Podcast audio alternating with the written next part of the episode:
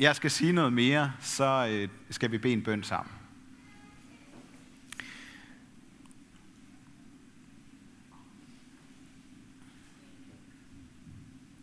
Jesus, lær os det vigtigste, du vil sige til os i dag. Amen. Livet, altså vores menneskeliv, er blevet kaldt en labyrint. Altså en hel masse veje, vi kan vælge imellem, men som alle sammen i sidste ende fører det samme sted hen. En hel masse forskellige omveje, der ender med, at vi dør en dag. Jeg tror, at vi kan vide mere om livet og, om, og omvejene end det, især hvis vi lytter til nogle af de fortællinger, Jesus har delt med os. Og den, vi har hørt i dag, det er måske en af de allermest kendte. Den handler, kan man vel godt sige, om en søn, der tager en ordentlig omvej, før han finder hjem igen til sin far. Og det, jeg sådan hæftede mig ved, det var, at faren siger om sin hjemkommende søn, når han skal beskrive, hvad der er sket, så siger han, han var død, men er blevet levende igen. Og det flugter fuldstændig med, hvad Paulus siger om dåben. Vi bliver i dåben begravet med Kristus, for derefter at blive rejst op fra de døde sammen med ham. I gamle dage, der, øh, der talte man om, at det vi lige har været vidne til lidt tidligere, med, med dåben, at man blev båret over dåben. Fordi dåb betød død og liv på samme tid. Ligesom fortællingen af Jesus gør det. Sønnen beder om arven, og i det han gør det, så siger han i virkeligheden, at han ville ønske, at hans far var død. Men ifølge den ualmindeligt tålmodige far, så er det i virkeligheden sønnen selv, der ender med at dø derude på hans omvej, hvor han indser, at han er faret så uhjælpeligt vild, at han ikke har andre veje, andre muligheder end at gå tilbage. Og er der noget, der er svært for os mennesker, så er det lige præcis det der med at gå tilbage. Det der med at vende om. Det skal helst gå fremad, og vi vil så gerne finde en eller anden form for mening i det, der sker. Og derfor så går vi hellere en omvej, hvis vi kan undgå at vende om. Sådan har jeg det i hvert fald. Og det er så svært at leve med, at vi har spildt vores tid. Så hellere lade som om, vi bygger oven på noget, der i virkeligheden var en forkert beslutning. Men der er noget forløsende i at nå til et punkt i sit liv, hvor den eneste vej frem går tilbage. Det var der synden stod. Han indså måske ikke helt, hvor han var, men han forstod, at han på den ene eller den anden måde bare måtte tilbage til sin far. Nok ikke helt tilbage og begynde forfra som en elsket søn, men så i hvert fald i det mindste som en medarbejder. Her i øh, pinsetiden i år, der er det på en særlig måde gået op for mig, at, øh, at Guds ånd Helligånden arbejder med os lang tid før vi selv opdager det. Ligesom livet vokser frem lang tid før vi bliver født ind i den her verden. Det er som om Guds måde at komme tæt på mennesker altid tager os på omvej. Prøv en gang tænk på de 400 år, Guds folk havde deres hjem i et fremmed land i Ægypten efter at han havde lovet Abraham og hans efterkommere et land, de kunne kalde deres eget. Det må man sige, det er noget af en omvej. Eller de 40 år, de måtte gå rundt i ørkenen sammen med Moses, før de blev lidt ind i Kanaans land af Josva. Eller hvad med profeten Jonas, der sejlede ud på en seriøs omvej, fordi han ikke ville gå den vej, Gud havde kaldet ham til? Jeg tror, det er sådan, at uanset om det er vores livsvilkår, konsekvenser af vores handlinger eller vores modvilje mod Gud, der fører os på afveje, så er der et tankevækkende mønster i menneskers omveje. For Gud følger med og kan gøre vores kortere eller længere omveje til velsignelse for os. Uanset hvor vi går eller står, så kan hans stemme nå os. Og hvis vi hører efter, så minder han os og alle andre om omvendelsens mulighed. Hvor kan det være velsignet at vende sig om? Fra sin stedighed, fra sin modløshed, fra sin indbilskhed, fra sin hjælpeløshed. Vende sig om, og så sige det, mod, sige det stik modsatte. Vende sig imod det modsatte. Vende sig imod tålmodigheden, håbet, kraften og redningen. Ikke som sådan noget, der er glemt et sted i os selv, men som det vi alle dybest set længes efter, sådan som sønnen længtes, så han tank, hans tanker vendte om og tilbage til sin far. Profeten Esajas, han viser os mønstret i øh, sin bog i det gamle testamente, et sted i kapitel 65, hvor der står, dette siger Gud Herren, jeg havde svar til dem, der ikke spurgte. Jeg var at finde for dem, der ikke søgte mig.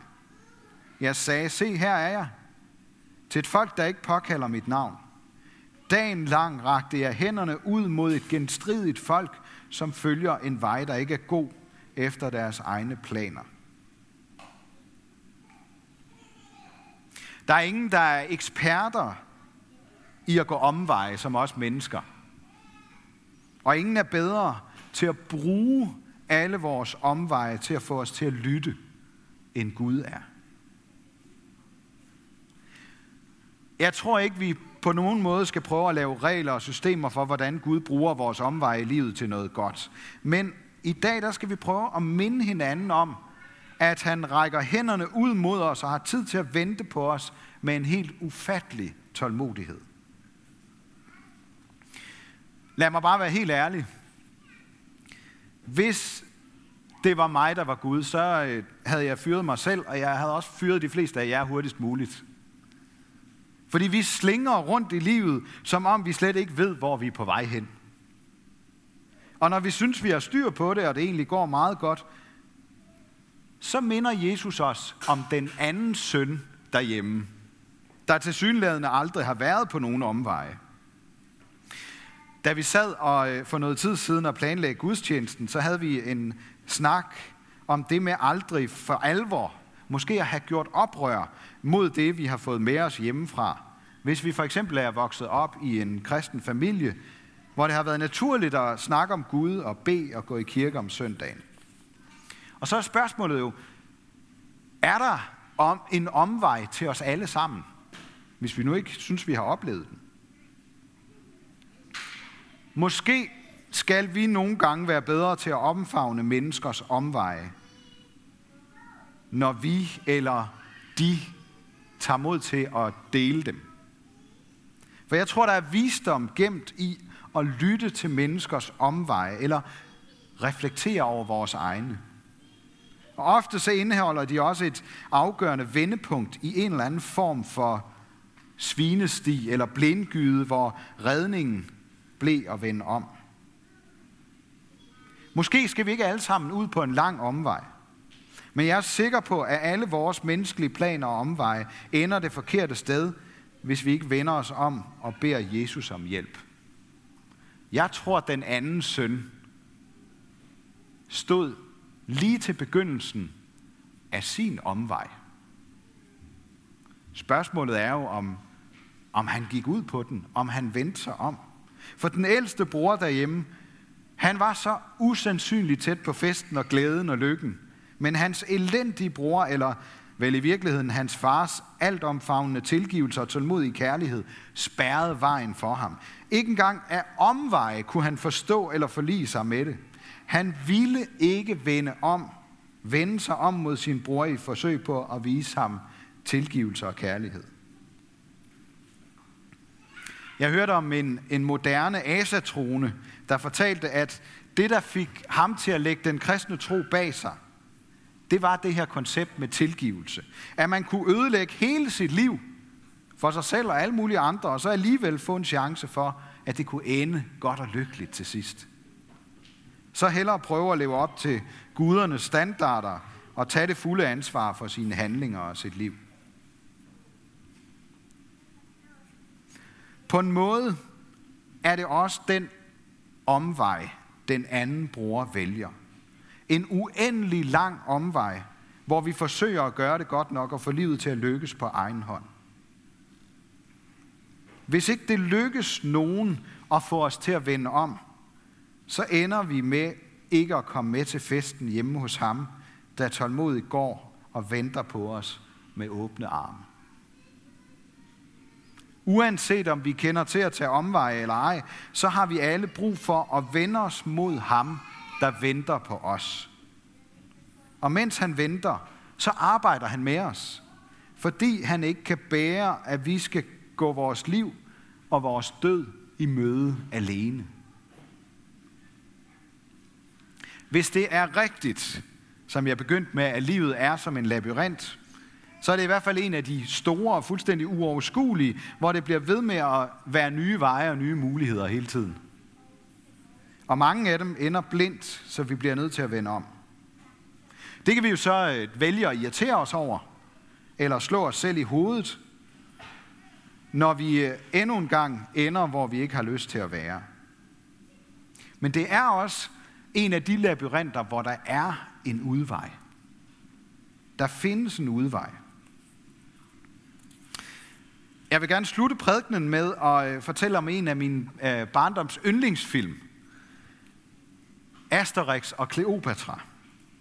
På et tidspunkt, der bliver Asterix og hans venner ført ind midt i en pyramides labyrintgange af en ondsindet guide, der efterlader dem inde midt i labyrinten. Og først så tænker de, nå jamen altså, pyt med det, vi øh, klarer det jo altid, vi finder nok en vej ud. De plejer altid at kunne klare sig med Asterix mod, eller med Obelix kræfter, eller Miraculix visdom og magi.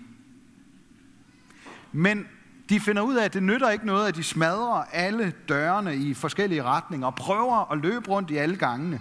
De ender hele tiden på det samme sted igen, midt inde i labyrinten, i pyramidens mørke. Og til sidst, så siger druiden Miraculix meget rammende, vi kommer aldrig levende ud herfra. Sådan er det også med livets labyrint. Uden Jesus som den gode guide, så kommer vi ikke ud, men en farvild i livet, der ender med at blive vores gravkammer som en anden pyramide. Først da de alle sammen derinde i pyramiden indser deres håbløse situation, så får de på øje på den helt usandsynlige udvej. De skal ikke selv finde ud, men de skal følge efter i stedet for. Den lille hvide hund i Defix kender vejen ud. Som en anden due, så flyver han afsted med de andre taknemmeligt og forpustet i hælene på sig. Sådan kan Gud også med helt usandsynlige omveje lede os ud til livet og lyset. For vi var døde, men er blevet levende igen. Ære være Gud, der har skabt os i sit billede.